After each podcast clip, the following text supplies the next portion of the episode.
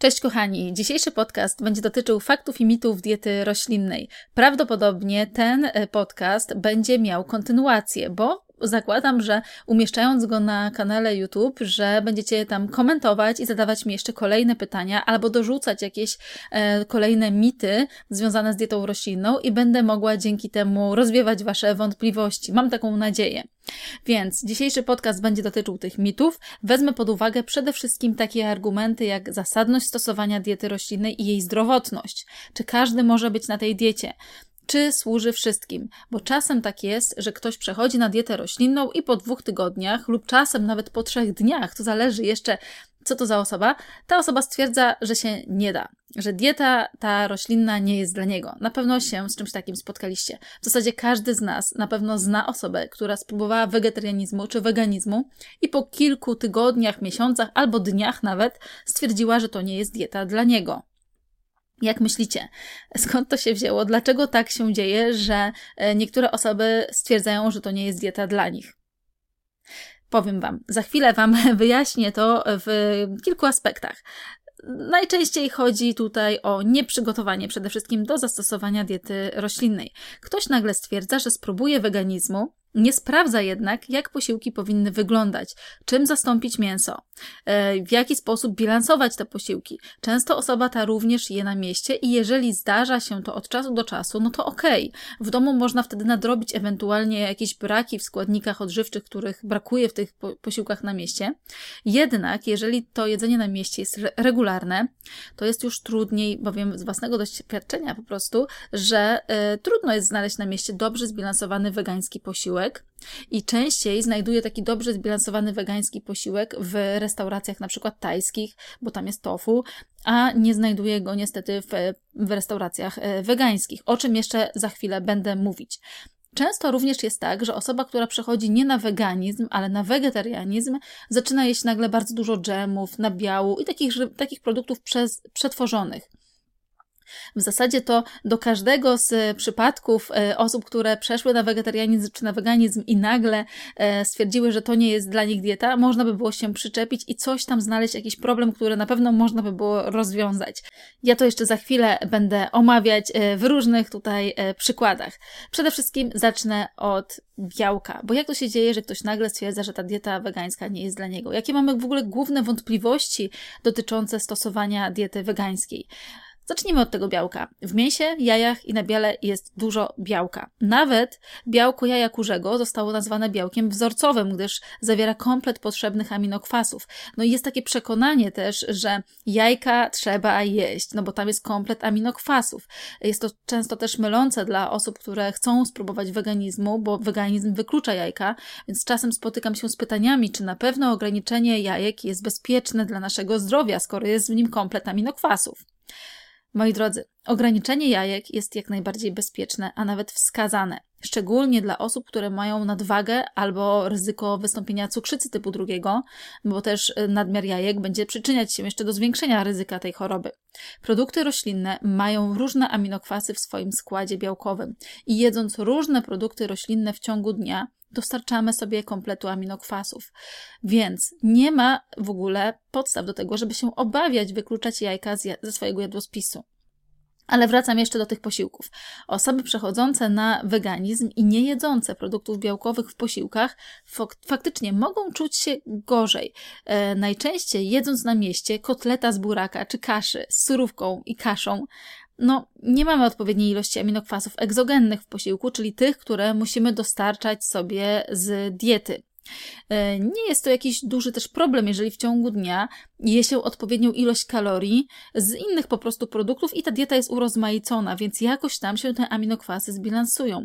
Ale problem jest wtedy, kiedy kalorii dostarcza się z tłuszczów, na przykład olej kokosowy, soków, słodyczy, chipsów i takich produktów wysokokalorycznych, przetworzonych, jak na przykład sery wegańskie, E, no i te produkty są ubogie w lizynę, czyli ubogie w ten aminokwas egzogenny, który występuje m.in. w mięsie, jajach i nabiale. Kolejny problem posiłków na mieście, niezbyt dobrze zbilansowanych, to ładunek glikemiczny posiłku. Jak mamy białko w posiłku, na przykład jak mamy kotleta z fasoli, humus czy tofu, albo na przykład ten falafel chociażby, to indeks glikemiczny całego posiłku jest niższy. Natomiast kiedy mamy kaszę e, z kotletem z buraka, albo kotlet z kaszy jaglanej i do tego ryż i surówka, no to indeks glikemiczny jest po prostu wyższy. Cukier po posiłku wzrasta szybciej niż po daniach z większą zawartością białka i dlatego szybciej jest się głodnym. Uczucie głodu może wystąpić już nawet po godzinie od zjedzenia posiłku, a jak ktoś ma zaburzenia gospodarki węglowodanowej, np. insulinooporność, to takie jedzenie na mieście no, może być naprawdę bardzo szkodliwe. Z tego powodu często możemy usłyszeć: Dieta wegańska jest nie dla mnie. Potrzebuję mięsa. Nie najadam się na diecie wegańskiej. Szczerze, muszę przyznać, że ja też się nie najadam na diecie wegańskiej kotletem z kaszy i buraka, więc ja szczerze wolę wybrać jakieś danie z tofu. E, żywność przetworzona, super, super, że mamy coraz większy wybór takich produktów roślinnych, że możemy zjadać na przykład, e, nie wiem, e, jakieś różnego rodzaju marchewki zrobione na, na sposób jak łosoś, że możemy na przykład zjadać kotlety sojowe ala schabowe i tak dalej, ale pamiętajcie, że większość z tych produktów jest po prostu przetworzonych. Producenci prześcigają się w produkowaniu nowych rzeczy dla wegan i tak powstają na przykład pasty kanapkowe z bakłażana czy marchewki. Jaka jest cena tej pasty? Około 7 zł.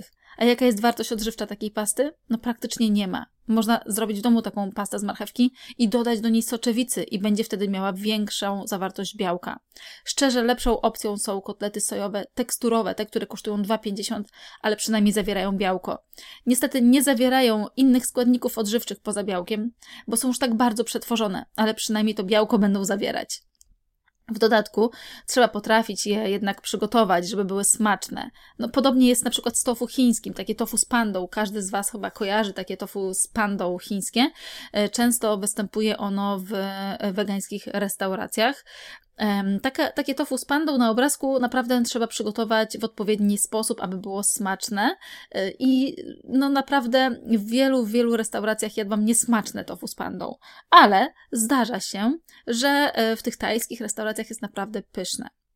E, trzeba też pamiętać o tym, że tofu, które e, nie ma e, dodatku chlorku wapnia, że po prostu ono nie będzie tego wapnia zawierać. Takie miękkie tofu, które nie będzie wzmocnione, nie będzie zawierało wapnia, więc trzeba po prostu szukać takich tofu w sklepach, które będą zawierać wapń. I często zdarza się, że to są tańsze tofu, które kosztują tam 3,50 czy 4 zł, a te, które są droższe, często właśnie nie zawierają tego składnika. O wapniu jeszcze będę mówić dalej. No dobrze, ale ja również, ja rozumiem ideę zrobienia łososia z marchewki czy mięsa do spaghetti spalonej kaszy gryczanej. Oczywiście, yy, ja to wszystko rozumiem, że możemy mieć ochotę na takie smaki i od czasu do czasu jedzenie takich produktów na mieście jest naprawdę super.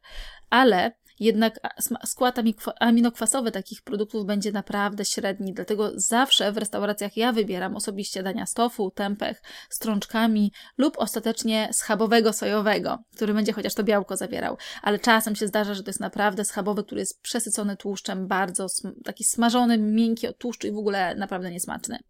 Więc to też zależy, gdzie się tego schabowego zje.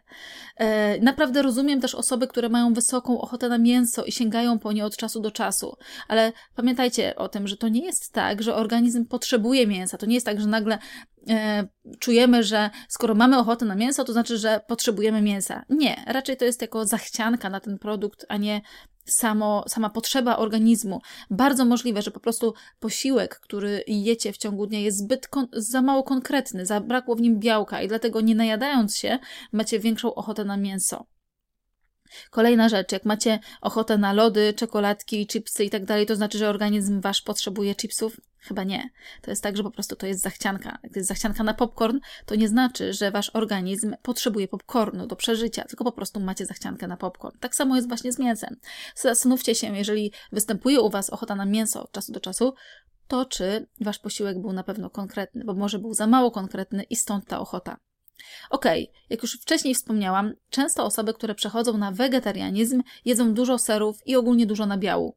Mogą przy tym czuć się źle, a nawet przytyć. Mogą przytyć w stosunku do masy ciała, którą miały te osoby przed przejściem na wegetarianizm i mogą sobie wmówić, że ta dieta nie jest dla nich.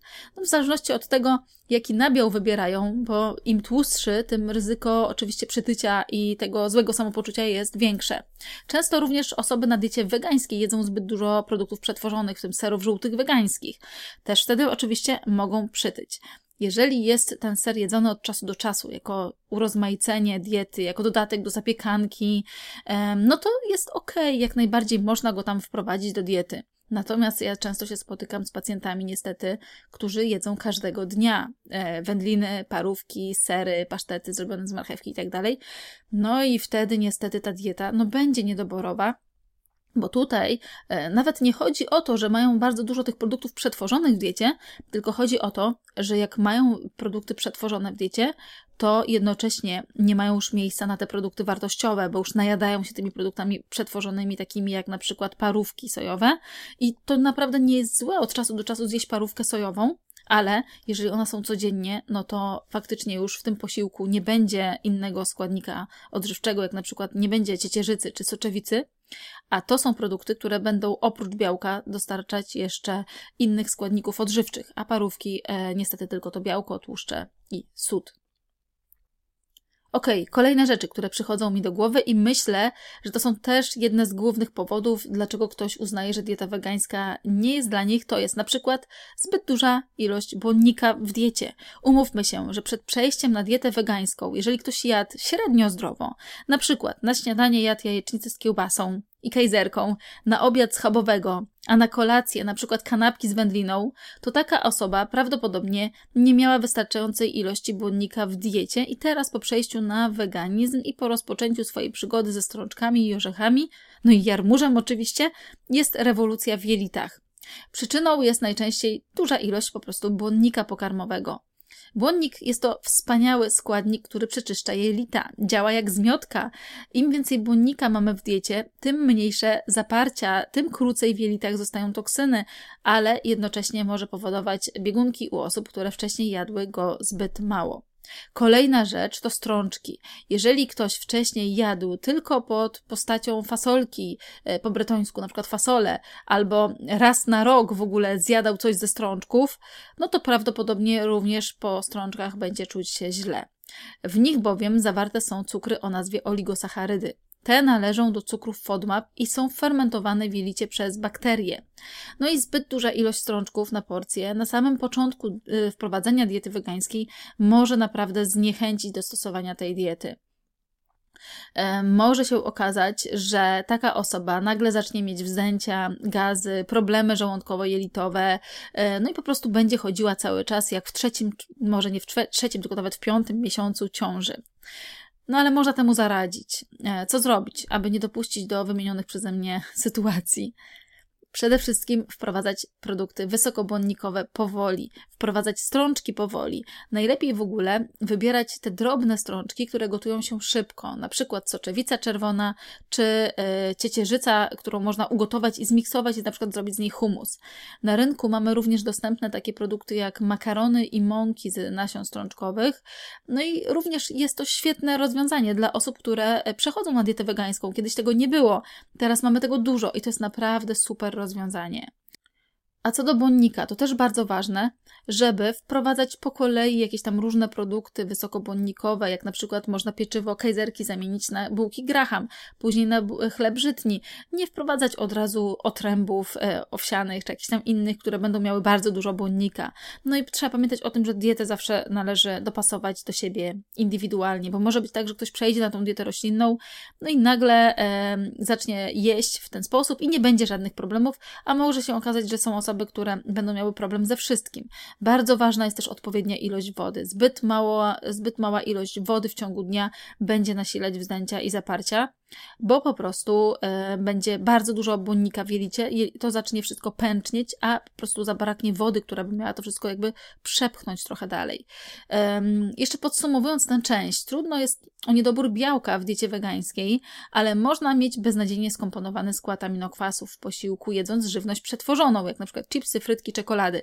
Więc jeżeli ktoś uzna, że dieta wegańska nie jest dla niego, to najpierw niech sprawdzi, co je, jak, jak wyglądają te posiłki i najlepiej udać się do dietetyka oczywiście i e, dobrać tą dietę indywidualnie pod siebie i na pewno, na pewno ta osoba będzie mogła spróbować i być na tej diecie, bo naprawdę Dieta roślinna może być tak dopasowana, że będzie pasować do wszystkich osób. No, zdarzają się przypadki osób, które nie mogą jej stosować, no ale to są głównie ekstremalne przypadki osób, które e, mają na przykład jakieś problemy, e, stany zapalne jelit, czy mają na przykład, są po operacjach trzustki i tak dalej, więc faktycznie wtedy duża ilość błonnika będzie bardzo szkodzić i wtedy wprowadzić e, produkty mięsne, ryby czy jaja jest po prostu e, bezpieczniej niż e, być na diecie, która będzie złożona ze strączków. Natomiast dla osób zdrowych, no to prawdopodobnie mm, no nie ma takich przypadków, że dieta będzie szkodzić. Okej, okay, przechodzę do następnej części e, tego podcastu i ta część będzie dotyczyć różnych składników odżywczych i mitów dotyczących tych składników odżywczych w diecie roślinnej. A zacznijmy więc od żelaza, bo przecież wszyscy weganie mają anemię z niedoboru żelaza. Nie, tak żartuję. Ogólnie, e, czy dieta roślinna pozbawia nas tego składnika? Odpowiedź jest bardzo prosta. Oczywiście, że nie. W zasadzie to wyniki badań wskazują na to, że weganie jedzą więcej żelaza z diety w porównaniu do osób, które jedzą w sposób tradycyjny. Problem leży jednak w biodostępności tego składnika z roślin, bo jest ona niższa. Nie znaczy to jednak, że nic nie możemy z tym zrobić. W roślinach mamy związki antyodżywcze i mamy różne rodzaje związków antyodżywczych, które blokują przyswajanie składników odżywczych z diety. W przypadku żelaza, ale też i cynku na przykład, największe znaczenie ma kwas fitynowy i polifenole. Jod będą blokować glukozynolany, a wapni na przykład szczawiany. O tym będę mówić jeszcze dalej. E, kwas fitynowy znajduje się w dużych ilościach w zbożach, strączkach i orzechach. W zasadzie im więcej w danym produkcie jest żelaza, tym więcej jest w nim również kwasu fitynowego. E, ale możemy zredukować jego niekorzystny efekt. Podpowiem Wam, jak to zrobić. Przede wszystkim wystarczy dodać do posiłku witaminę C. I tyle. To jest najlepszy, najbardziej e, wiarygodny, najbardziej skuteczny sposób na zredukowanie negatywnego działania kwasu fitynowego. Świeże warzywo lub owoc, czyli źródło witaminy C. Mogą to być oczywiście również e, owoce czy warzywa mrożone. Mają trochę mniej e, witaminy C w porównaniu do tych świeżych, ale zawsze coś się tam w nich znajdzie. W praktyce wygląda to tak. Dodajemy do owsianki kiwi, borówki, maliny, wiśnie, a nie samego banana, bo banan nie będzie miał witaminy C. Jak mamy kotleta z fasoli, soczewicy czy jakichś innych strączków, dodajemy na przykład surówkę.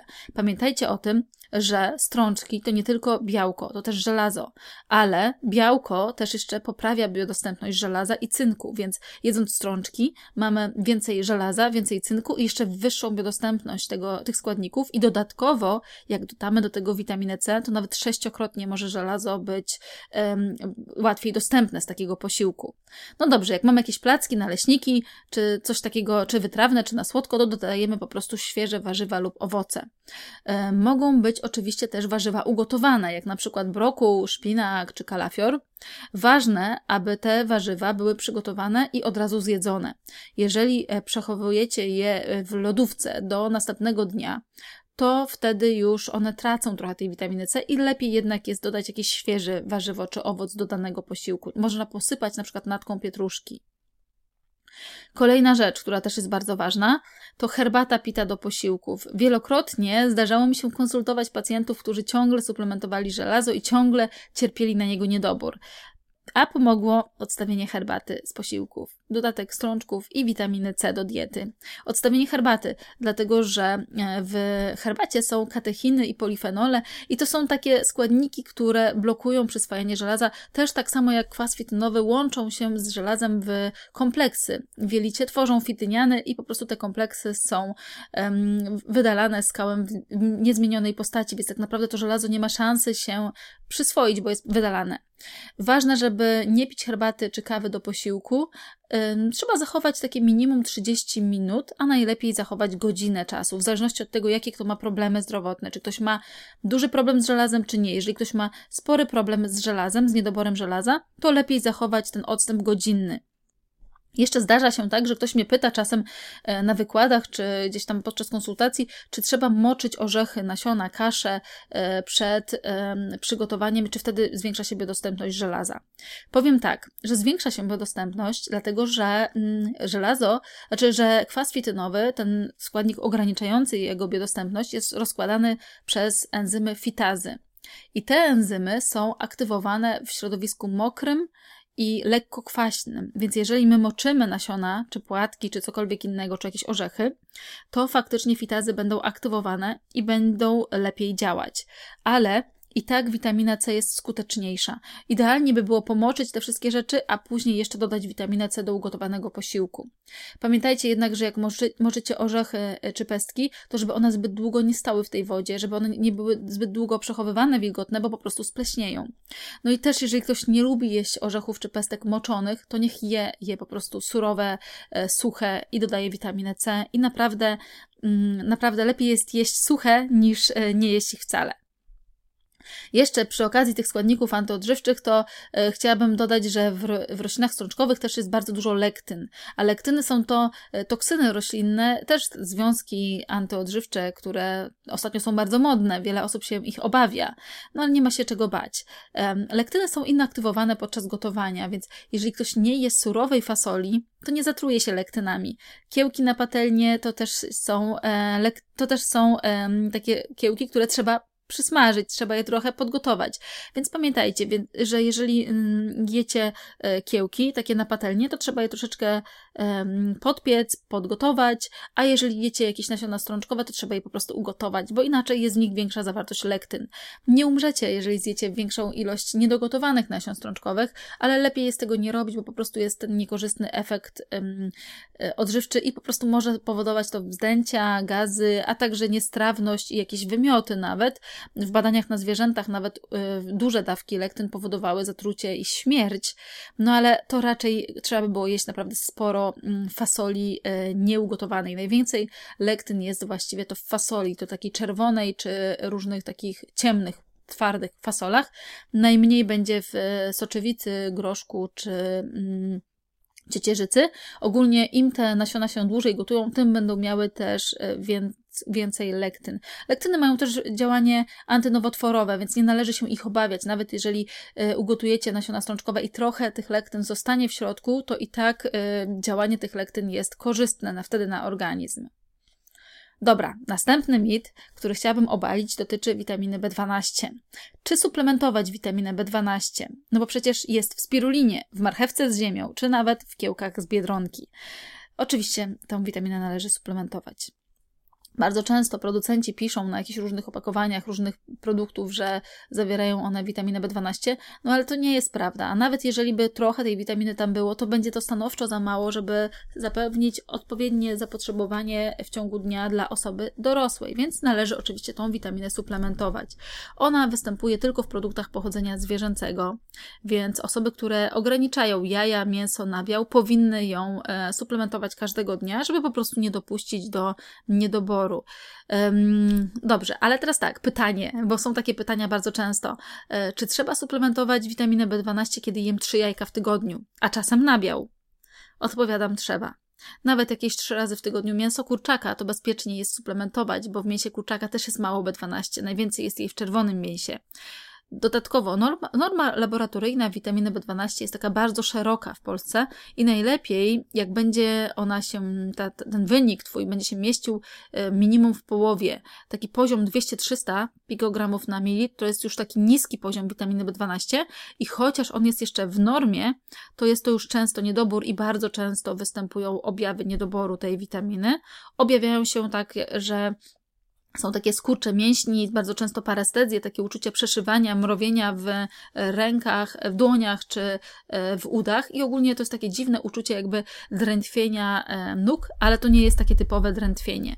Więc takie objawy najczęściej występują, trzeba na nie zwracać uwagę, a jeżeli ktoś ma takie objawy i nie suplementuje witaminy B12, nie je produktów pochodzenia zwierzęcego, to prawdopodobnie ma niski poziom tej witaminy. No dobrze, ale jak już wiemy, że mamy niedobór tej witaminy, albo jak już wiemy, że jesteśmy na diecie wegańskiej i musimy ją suplementować, to którą witaminę wybrać? Metylokobalaminę czy cyjanokobalaminę? Mamy jeszcze taką formę jak hydroksykobalamina. Bardzo dużo jest w internecie sprzecznych informacji na ten temat, ale na szczęście są dostępne książki do biochemii. Więc o co tutaj ogólnie chodzi? Metylokobalamina to jest forma witaminy B12, która jest aktywna w organizmie, jest pod postacią koenzymu i to ta forma będzie mm, redukować poziom homocysteiny w organizmie, czyli tego wskaźnika, który wzrasta, kiedy witaminy B12 jest mało. I homocysteina jest ogólnie niebezpieczna, dlatego że u osób, które mm, nie jedzą witaminy B12 w odpowiedniej ilości, ale nawet nie jedzą mięsa i produktów pochodzenia zwierzęcego, może wystąpić miażdżyca i może wystąpić udar ze względu na wysoki poziom homocysteiny. A więc metylokobalamina jest formą koenzymu. Ale to nie, to nie znaczy, że trzeba przyjmować metylokobalaminę z suplementu, żeby ona była bardziej aktywna w organizmie, żeby ona zredukowała ten poziom homocysteiny bardziej niż ta cyjanokobalamina. Cyjanokobalamina to jest bardzo dobra witamina, e, jest bardzo stabilna. Zauważ, że te e, cyjanokobalamina, te wszystkie napoje roślinne e, są wzbogacane w cyjanokobalaminę, a nie metylokobalaminę. To ma związek właściwie z tym, że cyjanokobalamina jest stabilniejszą formą i można nawet te produkty podgrzewać, robić z nich budynie, kakao i tak dalej i witamina B12 wtedy nie jest redukowana. Metylokobalamina no nie jest aż tak bardzo um, stabilna, natomiast najmniej stabilne będą takie formy jak adenoscylokobalamina czy hydroksykobalamina. To są produkty, które, to są te, te formy witaminy B12, które występują w produktach pochodzenia zwierzęcego, um, ale też w suplemencie, bo hydroksykobalamina też występuje w suplementach diety. E, one są mniej stabilne, dlatego na przykład gotując jajka można um, sporo tej witaminy B12 stracić po prostu. I teraz pytanie, która z tych dwóch form jest lepsza do suplementacji? Metylokobalamina czy cyjanokobalamina? Odpowiedź brzmi żadna z tych dwóch. To nie jest tak, że któraś jest lepsza. Wszystko jedno, czy przyjmiemy metylo, czy cyjanokobalaminę, bo i tak witamina B12 musi być wolną witaminą, żeby dalej, dalej wziąć udział w reakcjach biochemicznych w organizmie, żeby przyjąć grupy, e, grupę metylową, e, żeby po prostu zredukować ten poziom homocysteiny, więc ona najpierw ma odłączoną grupę. Nieważne, czy to jest hydroksy, czy cyjano, czy metylo, ma w jelicie przy udziale enzymu MMAHC odłączoną grupę, i dalej jest wolną witaminą B12 i dalej bierze udział w reakcjach biochemicznych. Bardzo ważna jest dawka witaminy B12, którą przyjmujemy w ciągu dnia. Możemy przyjmować mniejszą dawkę w ciągu dnia, na przykład 25-10 mikrogramów, wtedy się przyswaja więcej. Możemy przyjmować 250 mikrogramów, z tego się przyswaja około 1%. Możemy również przyswajać 1000 mikrogramów, z tego się przyswoi też 1%. I najczęściej osoby, które przyjmują 1000 mikrogramów, przyjmują te 1000 co 3 dni na przykład. Jest to dobre rozwiązanie dla osób, które nie chcą brać suplementów każdego dnia ale może to być złe rozwiązanie dla osób, które mają problemy z trądzikiem, bo mm, jednak te wyższe dawki e, witaminy B12 mogą przyczyniać się do zwiększenia e, ryzyka trądziku. Mm, przeglądałam takie badania, ale też widzę po swoich pacjentach, że osoby, które biorą wyższe dawki, częściej jednak narzekają na trądzik. I taka dawka 250 mikrogramów jest bardzo często, jest bardzo często bezpieczniejsza. E, ok, tylko tą 250 trzeba wtedy suplementować każdego dnia. Następny składnik, który biorę pod uwagę przy rozwiewaniu mitów e, diety roślinnej, to są kwasy omega-3. Kwasy omega-3 dzielimy na te pochodzenia zwierzęcego i roślinnego. Kwasy omega-3 pochodzenia zwierzęcego to są te, które są w rybach. I tam jest kwas dokozaheksaenowy i eikozapentaenowy. Natomiast kwasy pochodzenia roślinnego, czyli to jest kwas alfa-linolenowy, są konwertowane do tłuszczów DHA w organizmie. Niestety ta konwersja jest bardzo e, słaba. Jest taka na poziomie, załóżmy, około 0,5% nawet bardzo często, więc e, spożywając kwas alfa-linolenowy, nie zawsze mamy pewność, że będziemy mieć w organizmie odpowiednią ilość DHA, czyli tego kwasu, który jest nam najbardziej niezbędny. E, dlatego sugeru sugeruje się, że weganie, szczególnie osoby, które są w wieku starszym, albo są w ciąży, albo na przykład mają jakieś choroby zapalne, e, powinny suplementować DHA e, z diety, no, po prostu jako suplement diety, żeby po prostu nie mieć niedoborów. Suplementy są na bazie wodorostów, więc bez problemu można je kupić. Natomiast osoby, które nie mają jakichś problemów zdrowotnych i są młodsze, mogą po prostu polegać na kwasie alfa-linolenowym i tej konwersji, ale tutaj trzeba koniecznie zwrócić uwagę na mm, stosunek kwasów omega-3 do omega-6 w diecie. Kwasów omega-3 e, powinno być w diecie mm, przynajmniej w takiej jednej porcji, one powinny się znaleźć. Kwasy omega-3 znajdziemy w takich produktach jak siemię lniane, nasiona chia, czy na przykład orzechy włoskie, czy olej z lnianki, czy olej lniany, czy na przykład e, nasiona konopi. Nasiona powinny być albo zmielone, w przypadku nasion chia y, y, zmielone albo moczone mogą być. Nasiona chia takie, e, które są niezmielone ani niepomoczone, nie będą przyswajalne. Nasiona siemienia lnianego, które będą e, podawane niezmielone, e, też nie będą przyswajalne. Tutaj niestety moczenie nie pomoże, tylko trzeba je też zmielić. Natomiast nasiona siemienia, które się już kupi zmielone, takie w proszku, też nie będą przyswajalne bo tam już nie będzie kwasów omega-3. To już są odtłuszczone nasiona siemienia lnianego, więc y, tam nie będzie już tych kwasów. No i trochę bez sensu jest je wtedy po prostu przyjmować jako źródło omega-3. Y, czy martwić się tymi kwasami omega-6? Teraz pytanie. Ogólnie kwasy omega-6 to są te tłuszcze, które będą w pewnym stopniu ograniczać konwersję tłuszczów omega-3 do tego kwasu dokozaheksanowego i eikozapentaanowego. Ale Trzeba zwrócić uwagę na to, w których tłuszczach, w których produktach kwasy omega-6 występują. Przede wszystkim występują w takich produktach jak pestki słonecznika, pestki dyni, olej e, z krokosza bawarskiego, słonecznikowy, kukurydziany, czy na przykład z pestek winogron. Trzeba po prostu unikać tych olejów. To nie jest tak, że całkowicie trzeba je eliminować z diety. Wystarczy e, po prostu ograniczyć do jednej porcji. Na przykład może być to jedna łyżka na dzień. Dodatkowo trzeba pamiętać o tym, żeby każdego dnia znalazła się jedna łyżka tych kwasów omega-3 jak na przykład siemielniane zmielone w ciągu dnia. Jeżeli mamy jedną porcję kwasów omega-3, na spokojnie prawdopodobnie ten stosunek kwasów omega-3, omega-6 jest y, odpowiedni w diecie, no chyba, że po prostu ktoś przesadza i je bardzo dużo pestek słonecznika czy pestek dyni. Natomiast jeżeli zabraknie tłuszczów omega-3 w diecie, no to jest wysokie prawdopodobieństwo niestety, że um, tłuszczów omega-6 jest za dużo i po prostu ten stosunek kwasów omega-6 do omega-3 jest zbyt wysoki i konwersja um, EPA i DHA nie będzie zachodzić odpowiednio. Jest jeszcze jedna kontrowersja, która dotyczy wodorostów. Wodorosty, z których robi się e, suplementy e, DHA i EPA, to są takie specjalne, specjalne mikroalgi, które są uprawiane pod kontrolą i z których robi się olej z mikroalg, a z nich suplementy. I tylko z tego robi się suplementy z kwasów omega-3, natomiast e, wodorosty takie sklepowe, wakame, kombu i tak dalej, one nie będą źródłem niestety tłuszczów omega-3. One mogą być za to źródłem jodu, czyli kolejnego składnika, do którego teraz przechodzę.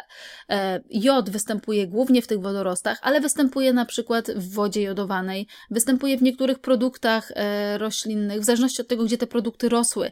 Jeżeli te produkty rosły na przykład na terenach nadmorskich, to będą miały więcej jodu w porównaniu do tych produktów, które rosły w górach.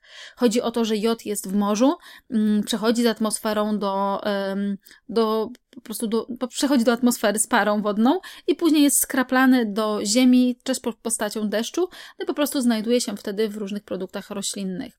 Jod występuje też w soli jodowanej i tutaj jest akurat problem z tym składnikiem taki, że wiele osób na diecie roślinnej unika soli jodowanej, a jedzą natomiast sól himalajską. Jeżeli jedzą sól himalajską, a unikają jodowanej i mają dużo związków antyodżywczych w diecie roślinnej, takich jak glukozynolany na przykład, które są w e, roślinach krzyżowych, albo na przykład e, soi izoflawonów, to mają po prostu problem prawdopodobnie z jodem, bo mają dużo związków ograniczających jego biodostępność, a mało mm, takich, które by y, dostarczały jodu. Więc trzeba zwrócić uwagę na to w diecie. Sól niekoniecznie jest zła. To znaczy, to jest tak, że no, powinno się jeść jej mniej, nie tak, e, nie tak dużo jak Polacy jedzą, ale taka połowa łyżeczki w ciągu dnia to jest porcja taka ok w miarę i jedząc roślinne produkty, będąc na zdrowej diecie roślinnej, naprawdę mm, taka mała ilość niewielka soli jodowanej nie zaszkodzi. Kolejnym składnikiem, który budzi dużo kontrowersji jest selen. Selen to jest taki składnik, który podobnie jak jod występuje też w niektórych produktach żywnościowych i w zależności od tego, gdzie te produkty były uprawiane, to e, zawartość selenu będzie e, no, też zmienna. Więc na przykład jak produkty były uprawiane w Polsce, w niektórych regionach, gdzie e, selenu będzie więcej, to faktycznie będą zawierać e, te produkty więcej tego składnika. Natomiast jeżeli te produkty były uprawiane w, w ziemi, gdzie, w glebie, gdzie tego selenu było mało, to one też będą zawierać mało. Są takie produkty, które gromadzą trochę więcej selenu, jak nasiona strączkowe, czosnek, brokuły, czy kalafior, czy grzyby na przykład, więc oczywiście można, e, można się po prostu e, domyślić, że jakaś tam część selenu e, dostarczona jest z tych produktów w ciągu dnia. Natomiast trzeba wziąć pod uwagę to, że głównie źródłem selenu diecie są ryby i mięso, szczególnie dziczyzna, więc będąc na diecie roślinnej można mieć niewielki problem z tym składnikiem. Jeżeli ktoś ma problemy zdrowotne mm, sugerujące na niedobór selenu, jak na przykład, nie wiem, chorobę Hashimoto, to myślę, że warto po prostu zbadać poziom selenu w organizmie i sprawdzić, jak tam to wygląda, czy nie trzeba tego składnika od czasu do czasu posuplementować, ale z tym też bym uważała, to nie jest już temat na ten podcast, ale też bym uważała bardzo z tą suplementacją. Ja mówiłam o, w podcaście e, na temat niedoczynności tarczycy, też o selenie. E, natomiast mm, jeżeli ktoś e, zdrowo się odżywia, i e, nie jest chory, to myślę, że nie ma sensu się bardzo tym składnikiem martwić. E, można od czasu do czasu też jeść orzechy brazylijskie, ale to muszą być orzechy, które będą e, kupione, mm, które będą takie uprawiane w takich krajach jak na przykład Wenezuela, Kolumbia czy, czy Peru, gdzie trochę tego selenu jest więcej w porównaniu do Boliwii, gdzie mm, orzechy z Boliwii niestety bardzo mają mało selenu i jeszcze są dostępne najczęściej w polskich sklepach. No i kolejny mit dotyczący składników odżywczych to jest mit dotyczący wapnia w diecie roślinnej. Ja już o wapniu nagrywałam e, podcast, więc tutaj tylko powiem e, w kilku zdaniach na ten temat, że no po prostu nie wszystkie zielone warzywa będą zawierały wapń. I to jest prawda, że warzywa mają wyższą biodostępność tego składnika, bo mają nawet 40-50% e, biodostępność, czyli to jest wyższa biodostępność niż z zabiału, czy na przykład napojów roślinnych wzbogacanych w wapń, ale trzeba pamiętać o tym, że nie wszystkie warzywa roślinne i tylko niektóre mają więcej tego składnika, czyli na przykład kapusta, brokuły, jarmuż, e, fasolka szparagowa, kapusta pekińska, ale szpinak czy botwina czy cukinia to już nie będą źródła, czy na przykład szczaw, to już nie będą źródła wapnia. E, odsyłam Ciebie do podcastu z wapniem, żeby więcej na ten temat e, sobie zobaczyć, posłuchać. Natomiast jeszcze jedna taka rzecz dotycząca wapnia, że no, warto jednak wprowadzać te napoje roślinne wzbogacane w ten składnik, bo mamy wtedy pewność, że tego składnika w diecie nie jest za mało, a szczególnie w diecie dzieci. Okej, okay. no i jeszcze e, ostatni mit, że dieta wegańska jest nienaturalna, bo, bo przecież wymagana jest suplementacja, szczególnie witaminą B12. No tak, ale trzeba przyznać, że rzadko która dieta nie wymaga suplementacji. E, no i wszyscy muszą suplementować na przykład witaminę D, no bo nie dostarczymy jej spożywienia. No i bez względu na rodzaj diety i tak ją musimy suplementować. Warto również zadać sobie pytanie, jak bardzo naturalna jest dieta tradycyjna, kiedy je się coś, co wcześniej żyło. E, no i jak bardzo naturalna jest na przykład operacja szczepienia bypassów w przypadku miażdżycy czy zatorów, które spowodowane są tak naprawdę mm, złą dietą. Przecież tam pobiera się e, żyły z ciała, na przykład skończone i wszczepia przy sercu, więc jak bardzo to jest naturalne w porównaniu do suplementacji witaminą B12. No i ostatni mit, bilansowanie diety roślinnej jest trudne. Ten mit słyszę często. Dieta wegańska jest, e, że jest trudna, skomplikowana, droga i tak dalej. No bez sensu. Dieta wegańska ani nie musi być droga, ani nie musi być trudna do zbilansowania. Wcale nie musi być skomplikowana i droga. To my decydujemy, czy sięgamy po produkty przetworzone i droższe, czy po te tańsze. No i najczęstszym błędem y, osób przechodzących na weganizm jest nieprzygotowanie, niesprawdzenie, jak zastąpić produkty pochodzenia zwierzęcego y, na roślinne oraz skupienie się na takich mało potrzebnych rzeczach, jak na przykład suplementacji, nie wiem, spiruliną czy czymkolwiek innym, zamiast na bilansowaniu diety roślinnej właściwymi, właściwymi składnikami, na kompozycji właściwej e, posiłków. No i przykładowo, można kupić mąkę z ciecierzycy za 16 zł eko, ale można również za 7 zł. Można kupić olej liniany budwingowy za 30-40 zł, ale można również siemię lniane za 3 zł.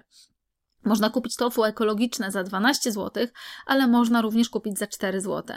No i można kupić na przykład sproszkowany jarmuż czy spirulinę za 30 zł, ale można również kupić pęczek jarmużu na bazarku za około 5 zł i tak by można było wymieniać i wymieniać, więc na, na 100% dieta roślinna nie jest droga, po prostu kwestia doboru właściwych produktów, właściwych suplementów i nie przesadzania, nie popadania ze skrajności w skrajność.